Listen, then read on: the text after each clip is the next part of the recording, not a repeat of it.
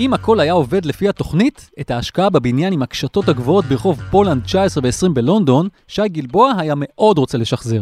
כשהחליט להיכנס להרפתקה הזאת, אי שם בשנת 2014, הוא כנראה חלם על תשואות גבוהות מאוד, סביב 23%, כפי שהוצג בברושור למשקיעים ששיווקה קרן ההשקעות הגשמה.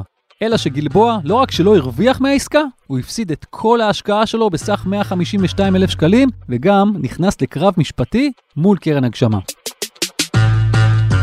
שלום לכם, אני גיא ליברמן, עורך הנדל"ן בעיתון גלובס, ואתם על כסף בקיר.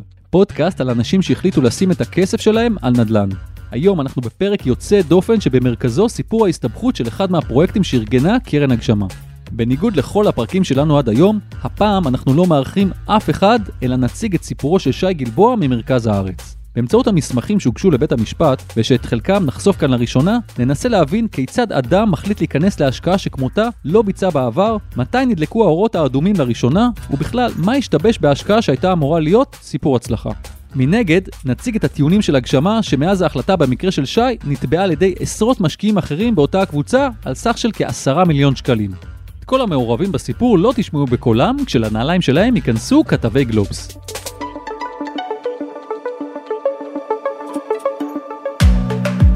הדגל של קרן הגשמה זה ביחד. זה היה קולו של אבי כץ בסרטון תדמית מעמוד הפייסבוק של הקרן. כשמשקיעים ביחד ועושים כסף ביחד, יש כסף לעשות בדיקות, יש כסף לשמור על ההשקעה, יש כסף לטפל בבעיות שהן מתעוררות. זה משפר מאוד את הסיכויים להצליח ולהביא אותנו לתשואות הרצויות.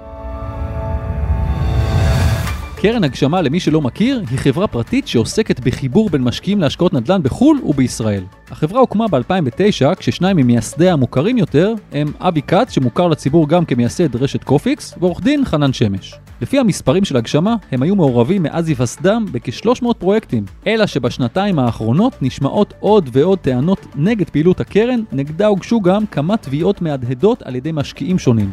אחד מהם הוא שי גלבוע.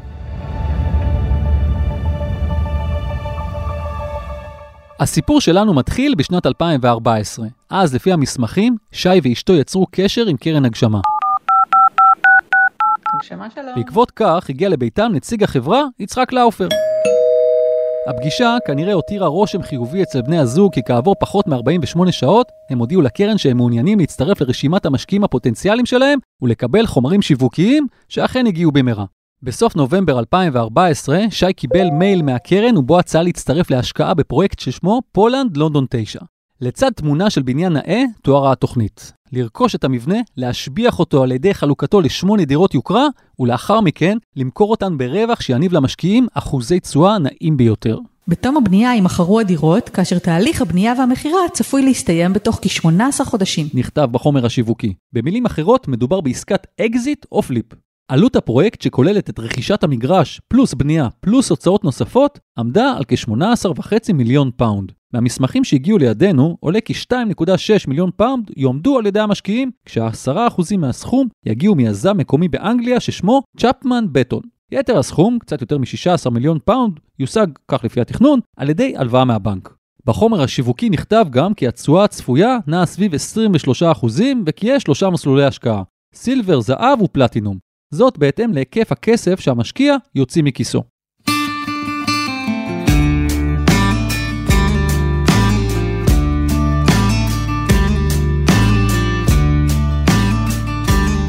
שי ואשתו עשו חושבים והחליטו שההשקעה מתאימה להם. מה שחיזק את הביטחון שלהם היו מספר סעיפים בהסכם ובהם שהמשקיעים מקבלים 75% מהחברה שרוכשת את הבניין, וגם שישנה ערבות אישית של היזם האנגלי. בנוסף נכלל בהסכם סעיף בשם פרס קנס. מה זה אומר? על כל חודש איחור מעבר לתקופת 18 החודשים, המשקיעים יקבלו אחוז אחד מחלקו ברווח של היזם האנגלי, וזאת עד למקסימום של 8 חודשים. והנה עוד משהו שנכלל בחומר השיווקי, אם כי לא בצורה מובלטת במיוחד. כן, ניחשתם נכון, סוג של אזהרה שבה כתבה הגשמה התשואות, היקף ההוצאות, העלויות, הרווח ומשך הפרויקט מתבססים על תחזיות והערכות שנמסרו על ידי יזם הפרויקט ועשויים שלא להתממש. אלו אינן בשליטת קרן הגשמה ו/או המשקיעים אשר ייבחרו על ידי קרן הגשמה ועלולים להיות שונים מהותית מהמפורט לעיל. שי ואשתו בחרו במסלול הזהב, נפרדו מ-25,000 פאונד או כ-150,000 שקל והצטרפו לעשרות משקיעים שבדיוק כמוהם חשבו שהם עושים עסקה נהדרת בלונדון. ב-23 בדצמבר 2014 נסגרה העסקה והבניין נרכש. שעון החול שעמד על 18 חודשים החל לתקתק. אחרי כמה חודשים, שי ויתר המשקיעים קיבלו מהגשמה את העדכון הרבעוני הראשון לשנת 2015. תאריך תחילת עבודות הבנייה, אשר היה צפוי ליום 15 בפברואר 2015, נדחה בשל סוגיות הנוגעות לתכנון מחדש. התחלה ברגל שמאל? לא ממש, כיוון שבהמשך צוין שמדובר באיחור של חודשיים, ובכלל ש... הפרויקט מתקדם בהתאם לתקציב שנקבע בתוכנית העסקית, והפער הקל שנוצר בלוחות הזמנים מצטמצם במהלך עבודות הבנייה. הפרויקט הסתיים במועד כפי שנקבע בתוכנית העסקית. דוח הרבעון השני לשנה זו לא כלל בשורות מיוחדות. עם זאת נכתב בו שהעיכוב יתארך לכדי שישה שבועות. ואילו בדוח לרבעון השלישי כבר דובר על עיכוב בבנייה של 12 שבועות. דוח העדכון האחרון לשנה זו כלל בשורות טובות ורעות. עם מה נתחיל? בדוח החלו בבשורה טובה ולפיה ועדת התכנון המקומית אישרה לפצל את אחת הדירות ולכן הבניין יכלול 9 ולא 8 דירות. כן נכתב כי הגשמה פועלת להעסיק חברת ניהול וייעוץ פיננסי לפרויקט בשם BTP בשל אי העמידה בלוחות הזמנים. בזכות המעורבות והתגובה המהירה של הגשמה, הצלחנו לשפר באופן משמעותי את לוחות הזמנים על ידי תוכנית עבודה מואצת. צפוי עיכוב מצטבר של שלושה חודשים וחצי בהשוואה לתוכנית העסקית. עוד נכתב בין היתר כי שלב השיווק החל ושיש כבר מתעניינים. כאמור, הייתה גם בשורה פחות טובה. בשל העיכוב צפויה חריגה של כ-850 אלף פאונד בהוצאות הפרויקט. עם זאת, מזכירים בקרן כי לפי ההסכם מול היזם, כל הוצאה נוספת החורגת מהתוכנית העסקית תכוסה על ידו במלואה.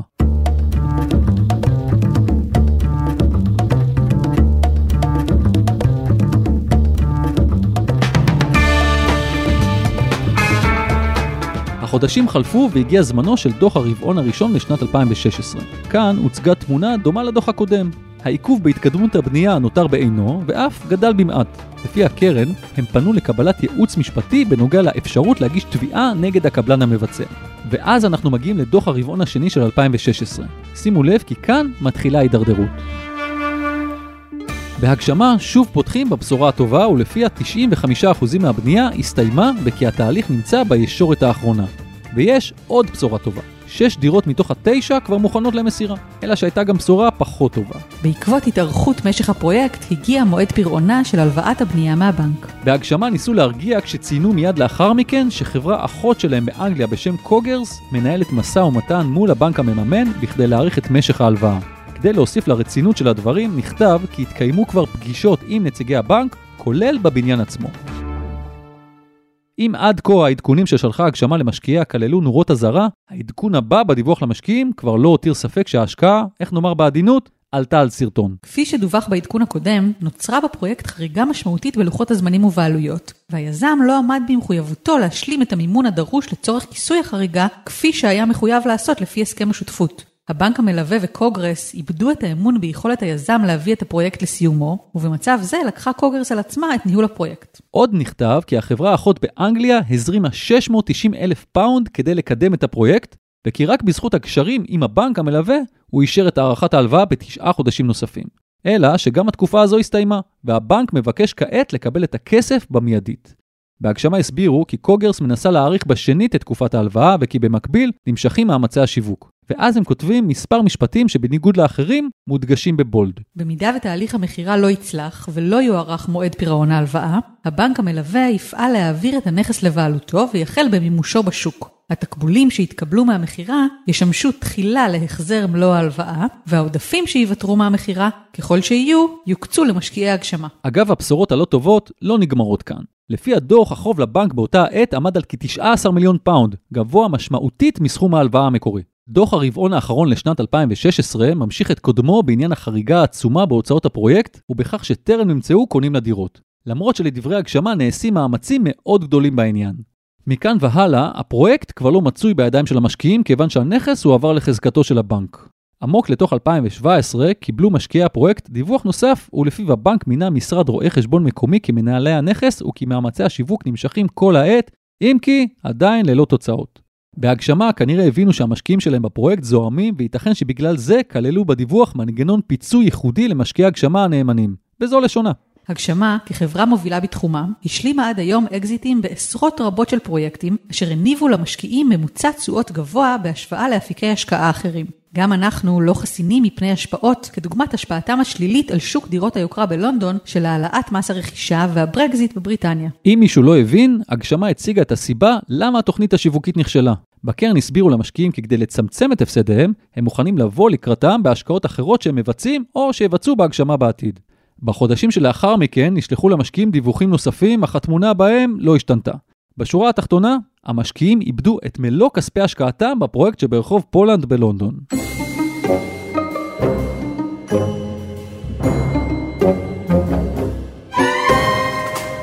אולי תגידו, זה יכול לקרות בהשקעות. אלא ששי ואשתו הרגישו שכאן לא היה מדובר בהשקעה לא מוצלחת, אלא במשהו אחר. בפברואר 2020 התקבלה במשרדי הגשמה תביעה שהגיש שי נגדה בבית המשפט לתביעות קטנות ברמלה. לצד הקרן נתבעו גם יצחק לאופר ואבי כץ. סכום התביעה עמד על 34,000 שקלים, שהוא הסכום המקסימלי שניתן לתבוע בבתי משפט לתביעות קטנות. מדובר בהליך פשוט יחסית שבו לא מעורב עורך דין, דבר שכמובן מוזיל עלויות, אך החיסרון הוא גובה התביעה. למה אדם שהפסיד 152 אלף שקלים תובע על סכום נמוך בהרבה? נראה שאת התשובה ניתן למצוא כבר בעמוד הראשון בתביעה שהגיש שי. למרות שהנזק שנגרם לי עומד על כ-152 אלף שקל בתוספת ריבית והצמדה, אני נאלץ לתבוע כאן בסכום קטן משמעותית, על מנת לקבל את מה שאני מסוגל, במסגרת המגבלות התקציביות שעומדות לרשותי לנהל נגדם מלחמה. בפתח התביעה מגולל שי את השתלשלות האירועים כפי שתיארנו קודם. קרן הגשמה הציגה את עצמה כמומחית המארגנת קבוצות של משקיעים קטנים, ושוק המשקיעים שלה הם אנשים חסרי הבנה וניסיון בשוק הנדל"ן. למשקיעים אין זכות לעשות כלום, אלא תלויים בהחלטות הגשמה בלבד. הגשמה הייתה חייבת לנהוג בחובת זהירות מיוחדת בפירוט הסיכונים, וכמובן גם להסביר מושגים לאנשים חסרי ניסיון והבנה בתחום יזמות והשקעות נדל"ן. למען הסר ספק, הוא מעיד על עצמו שהוא חסר ניסיון עסקי בתחום הנדל"ן. החוזה נכרת עקב מצג שווא והטעיה שיש ביטחונות לכספים שאותם השקעתי. החוזה נכרת בטעות עקב הסתרת הקרן שקיימים סיכונים גדולים ומשמעותיים ביותר שלא הוצגו ולא שוקללו בסיכון שהקרן הציגה. בגדול, הייתה הטעיה ברמת בשלות הפרויקט בזמן כריתת החוזה. אם כן, שי מבקש לשכנע את בית המשפט שלא מדובר בעסקה לא מוצלחת, אלא בכזו שמאחוריה עמדו מעשים לא כשרים, לתפיסתו כמובן. הנה חלק ממה שהוא כותב בנושא הביטחונות שהוא חשב שיש בידיו ושאותם הזכרנו קודם. ערבות של היזם האנגלי על כספי ההשקעה, החזקה משמעותית בחברה שמחזיקה בבניין, ומודל קנס פרס לפיו הרווח של משקיעי הגשמה יגדל על חשבון היזם אם יהיו איחורים. כשפניתי לקרן הגשמה לברר למה לא מממשים את הערבות שנתן היזם, נעניתי שאין לו כסף. לגבי המשכון לבנק הוא כותב, לבעלות של משקיעי קרן הגשמה לחברה שמחזיקה בנכס אין כל משמעות מבחינת ביטחון כספי. הצגת דבר כזה להדיוט בנושא יזמות נדל"ן, שלא מבין שהנכס ממושכן לבנק, היא מצג שווא שנועד להטעות בלבד. ויש עוד שתי טענות כבדות בתביעה. האחת היא שלא הוסבר לו בצורה ברורה שהריבית שסוכמה מול הבנק עומדת על 12% וכי זו עולה ל-18% במקרים מסוימים. בנוסף הוא כותב כי לפי הבנתו, המשקיעים נמצאים באותו מעמד של הבנק והקרקע משועבדת לכולם ביחד.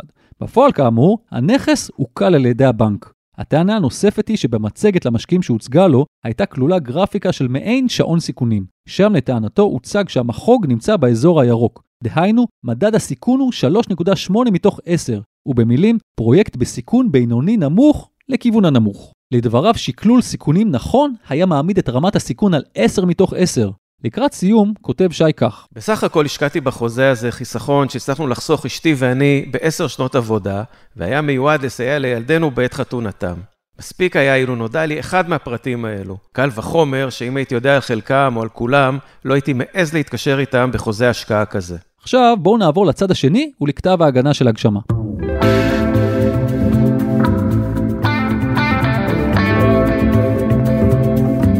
ראוי לציין כבר בפתח הדברים כי מדובר בתביעה מופרכת ומקוממת. כל קבוצה משקיעה בפרויקט יזמות מסוים על הסיכויים והסיכונים שבו, ובמנותק מפרויקטים אחרים. השקעה בפרויקט יזמות כרוכה מטבע הדברים בסיכוי לרווחים נעים, אך גם בסיכונים, ואכן, לצד ההצלחות הנאות בהשקעות, אשר קרן הגשמה מעורבת בארגונן, מקצת ההשקעות לא עלו יפה.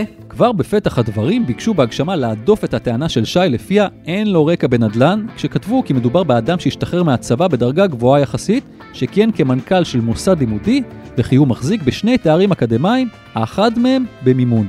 לגבי הטענה בדבר אי הבנת הסיכון לגבי מעמד הבנק, כותבים בקרן לבית המשפט המשמעות של מימון בנקאי ומשכנתה היא כי אם המימון לא יוחזר במועד, הבנק עלול לממש את הנכס לטובת החזר המימון.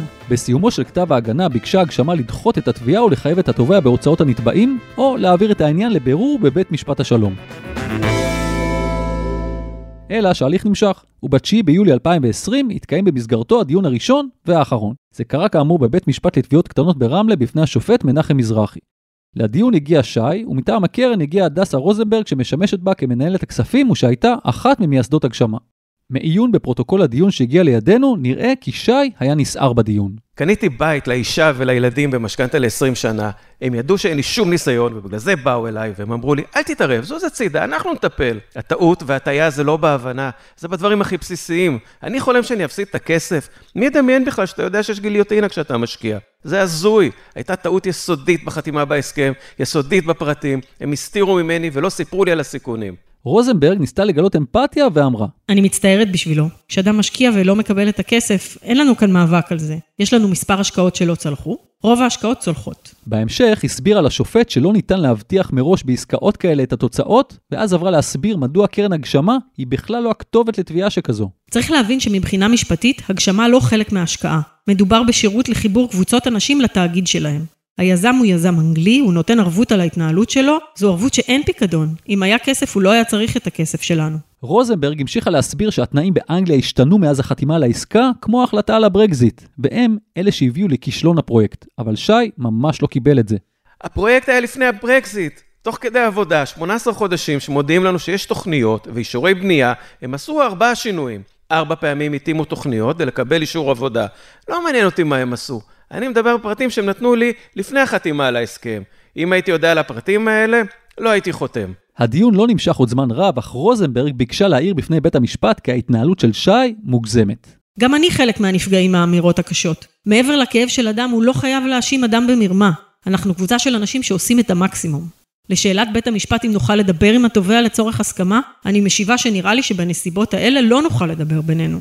לצערי הרב, אנחנו לא יכולים לערוב על כספי ההשקעה בפרויקטים. שלושה ימים לאחר הדיון הגיע פסק הדין של השופט מזרחי שקיבל את התביעה נגד הגשמה בלבד, תוך שהוא דוחה את התביעה נגד כץ ולאופר. וכך הוא כותב: אני סבור כי התובע נקשר בהסכם נוכח טעות לפי סעיף 14א בחוק החוזים, הקובע כי מי שהתקשר בחוזה עקב טעות וניתן להניח שלולא הטעות לא היה מתקשר בחוזה, והצד השני ידע או היה עליו לדעת על כך, רשאי לבטל את החוזה. משמעות הדבר היא כי החוזה בטל ולפיכך קמה חובת השבה של הכספים. בחינת ההצעה מלמדת כי חסר בה יידוע של פרטים מהותיים העומדים ביסודה של עסקה שכזו, כשהנתבעת ידעה עליהם, והיה על הנתבעת לידע את התובע אודותיהם באופן יזום, בטרם נקשרה עמו בהסכם. עוד כתב השופט מזרחי כי לא נמסר בהצעה מידע שלפיו הפרויקט מלווה באמצעות בנק שהעמיד הלוואה, ושאחד מתנאיה הוא שאם תחלוף התקופה בת 18 החודשים והפרויקט לא יגיע לסיומו, אז תמומש בטוחת הבנק על הנכס, והוא יוכל לממשו כנושה מובטח. בהמשך לנקודה זו, מוסיף השופט מזרחי וכותב בצורה ברורה, ולעיתים תוך הדגשת המילים באותיות בולטות כי ליווי בנקאי שכזה מטביע על העסקה סיכון מיוחד, שלפיו בחלוף 18 חודשים יאזל שון החול ויחרץ דין כספם של המשקיעים לאבדון.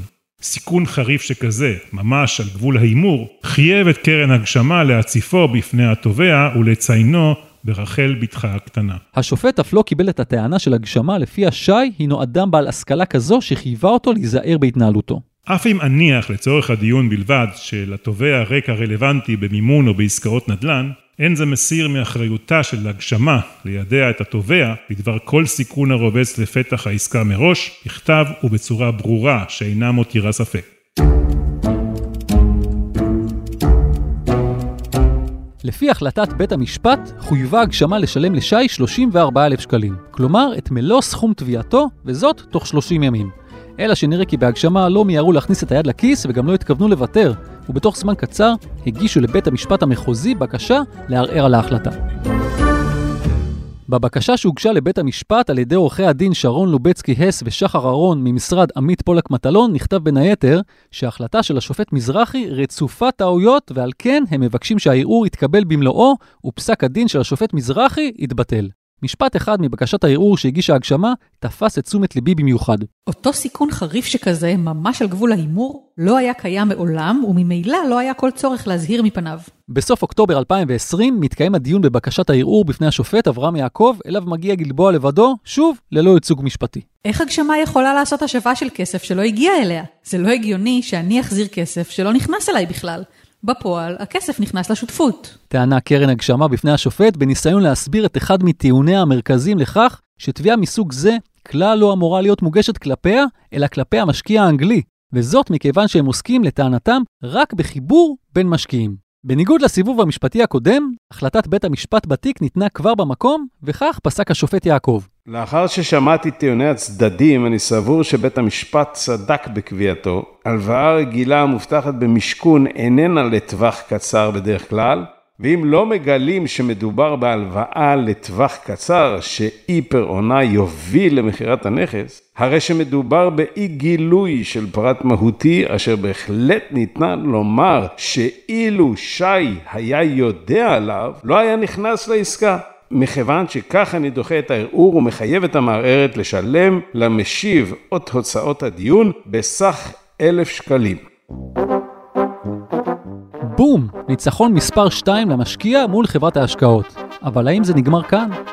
באמצע דצמבר האחרון 50 משקיעים בפרויקט פולנד לונדון 9 הגישו תביעה על סך 10 מיליון שקלים נגד הקרן בבית המשפט המחוזי בתל אביב. התביעה כמובן מציינת את המקרה של שי ואת הסיבות שבגללן הוחלט לפסוק בעדו, דבר שכמובן אמור לסייע לקייס שלהם. בנוסף, הם טענו שבקרן נהנו מהכסף שלהם ללא קשר לתוצאות ההשקעה. התובעים טענו כי כבר בסמוך למועד הצטרפותם להשקעה, גבתה מהם הגשמה עמלה גבוהה ביותר בשיעור של 7% מכספי ההשקעה. אלא שבניגוד למצגי הקרן, הם לא קיבלו שום תשואה על השקעתם, ויותר מכך, כל כספם אבד. כמו שזה נראה עכשיו, ההליך החדש יימשך עוד תקופה ארוכה ויהיה מאוד מעניין לעקוב אחריו. אבל בינתיים אנחנו נעצור כאן כדי להזמין את פרשן המשפט הבכיר של גלובס, חן מענית, ששמע כמוכם את הסיפור, ויש לו כמה תובנות משלו. אהלן חן, מה העניינים? טוב, מה נשמע כאן? תשמע, הבאנו אותך לפה כי אתה מומחה בענייני משפט, והשאלה הראשונה שאני רוצה לשאול אותך היא, למה לדעתך היה נכון או לא נכון לשי ללכת לבית משפט לתביעות קטנות ולא להתחיל ישר מבית משפט השלום, שזה הדרך הרגילה? תראה, אני לא יודע אם זה הדרך הרגילה, בית משפט שלום, אתה יודע, הולכים לבית משפט לתביעות קטנות לרוב, כאשר הנזק הוא מאוד קטן, עד 34 אלף שקלים, אז אנשים אין להם טעם ללכת לבית משפט שלום או מחוזי, כי הם יקבלו בבית משפט לתביעות קטנות את מה שהם הפסידו בעצם. ופה אני מזכיר שהוא הפסיד 152 אלף שקלים, והמקסימום שהוא יכול להרוויח זה 34 אלף שקלים. נכון, ולכן במקרה הזה ההחלטה שלו היא לא לגמרי ברורה לי, אנחנו גם רואים שיש עכשיו תביעות נוספות של uh, משקיעים בקרן הגשמה שהולכים לבית משפט, uh, לא לבית משפט uh, תביעות קטנות, אלא מתאגדים ורוצים לקבל פיצוי יותר גדול. אני מניח, ושוב פעם, זה, אני לא מכיר את, ה, את האדם הזה, את שי, אבל uh, השיקולים שלו היו בטח לחסוך עורך דין, לא לשלם שכר טרחת עורך דין, וגם לחסוך איזושהי אגרה שהם משלמים לבית משפט. ואולי, אתה יודע, יש גם הרבה מקרים שאתה יודע שאתה מקבל פסק דין על מלוא הסכום, אבל אתה לא תקבל לעולם את הכסף חזרה. ולכן אין לך אה, טעם להשקיע את כל הסכומים האלה. אני חושב שבאופן עקרוני צריך לקחת ייצוג משפטי במקרים כאלה, בעיקר מול גופים חזקים, משוכללים ומתוחכמים, כדי לנצח את ההליך המשפטי, ואם הוא היה עושה את זה מלכתחילה, יכול להיות שהוא בכלל היה נמנע מכל הסמטוחה הזאת. אוקיי, okay, אני רוצה לשאול אותך שאלה נוספת לגבי אחד הטיעונים של קרן הגשמה. הם טענו בעצם שיכול להיווצר פה תקדים מסוכן, מכיוון ש... בית משפט קובע פה שאחרי שנעשתה השקעה ובן אדם שם כסף וההשקעה יצאה דרך והסתיימה כפי שהסתיימה, מישהו מבקש פיצוי. ואומרים שזה יכול להיות בעצם פתח להרבה אנשים לבוא להגיד, אה, ההשקעה לא הצליחה, תחזירו לי את הכסף. מה אתה חושב על הטיעון הזה? האם, האם הטיעון הזה בבית משפט הוא אכן סוג של תקדים? לא, תראה, הטיעון הזה זה טיעון שהוא אה, מנותק מהקביעות המשפטיות בפסקי הדין, שבעצם הן אומרות שיש פה הפרת חוזה. הן לא אומרות, אנחנו עכשיו לכל אדם שיפסיד את ההשקעה שלו, בכל מקרה אנחנו נחזיר לו את הכסף אם הוא מפסיד את ההשקעה, כי יש השקעות לגיטימיות שלא מצליחות, נכשלות, יש המון כאלה. בית משפט, הנימוק שלו, לפי מה שאני uh, ראיתי, הוא שהיה פה uh, בעצם uh, טעות בחוזה, שהיא מקנה בעצם את הפיצוי לאותו צד לחוזה. חלק מהפרטים המהותיים שהיו חייבים להופיע בחוזה, וגם היו חייבים להיות מוסברים לאותו שי, לא הופיעו, והאחריות היא על החברה, ולכן היא צריכה לשלם לו את הפיצוי, ולא בגלל שהוא הפסיד את הכסף בסוף הדרך, כך שאין פה איזשהו פתח, ל... אין פה משהו תקדימי לפי מה שאני מבין, אתה יודע, הדבר הזה, הרבה פעמים בתי משפט קובעים שיש טעות או הטעיה או כל מיני דברים כאלה שמביאים על סמך החוק לביטול החוזה ולפיצוי. אוקיי, דבר נוסף, אתה רצית להגיד איזה מילה על איך בכלל להימנע מעניין כזה. כן, אתה יודע, אנחנו רואים, ואני גם, אתה יודע, אה, כבר הרבה שנים כותב על הדברים האלו של כל מיני פרשות או השקעות כושלות. שוב פעם, אני לא רוצה עכשיו להתייחס לעניין הזה, הוא טען שהיה פה מצג שווא, בית משפט לא בדיוק אה, אה, קיבל את זה, זאת אומרת, אנחנו לא פה באיזה פרשה של, לפי מה שאני מבין, של הונאת משקיעים, סטייל מיידוף, או כל מיני מקרים שאנחנו מכירים בכל מיני דרכים, או שמוכרים, לא יודע מה, יש לנו כל מיני פרשות גם שבנדל"ן שאנחנו מכירים. מוכרים באוויר כל מיני דברים. כן, אלא היה פה פשוט חוזה מרושל, חוזה שלא הופיעו בו פרטים מהותיים, או שלא הוסבר, ל- אני לא יודע אם הופיעו בחוזה באיזשהו שוליים. אני חושב שאחד העצות שהייתי נותן, שוב פעם, זה לא עצה, לא כעצה משפטית, אבל עצה לחיים, הוא קחו עורך דין, אתם הולכים לעסקה גדולה, עסקת חייכם. אותו שי טוען שהוא הפסיד באמת שזה כל מה שהיה לו, פחות או יותר. קח עורך דין, שב על הפרטים עם עורך דין, כדי שיוכל להזהיר אותך מכל הדברים האלה. ואז הדברים האלו, אה, אני חושב, עלולים אה, או עשויים להימנע. אוקיי, חן, שניפגש עוד פעמים רבות אצלנו בפודקאסט. בכיף. יאללה, תודה רבה. תודה רבה.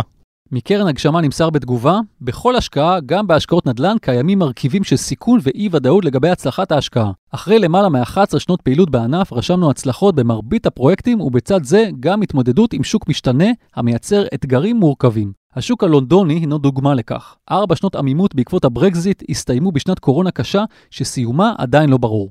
יודגש כי הגשמה מעסיקה מומחים בתחומם, אשר מנהלים ומפקחים על ההשקעות, ועושים את כל המאמץ להביא לתוצאה הטובה ביותר עבור המשקיעים, ואכן ברוב המקרים גם מצליחים בכך. למרבה הצער, בחרו חלק מהמשקיעים לנסות את מזלם בבית המשפט. הגשמה פועלת ותפעל בנחרצות להסיר את התביעות וטענות הסרק נגדה. אי הצלחה עסקית בפרויקט אינו מהווה עילת תביעה. אנחנו משוכנעים שבית המשפט יראה את הדברים באופן הזה. פנינו גם לשי גלבוע, אבל הוא מצידו סירב להגיב. עד כאן עוד פרק של כסף בקיר. אם אהבתם את מה ששמעתם, אתם מוזמנים ומוזמנות לעקוב אחרינו באתר גלובס, בספוטיפיי או איפה שאתם שומעים פודקאסטים. וכמובן, נשמח שתדרגו אותנו גבוה באפל פודקאסט ותשלחו את הפרק לחבר או חברה שעדיין לא שמעו עלינו. לפני שניפרד, אני רוצה להמליץ על פודקאסט נוסף מבית גלובס, חזית המדע.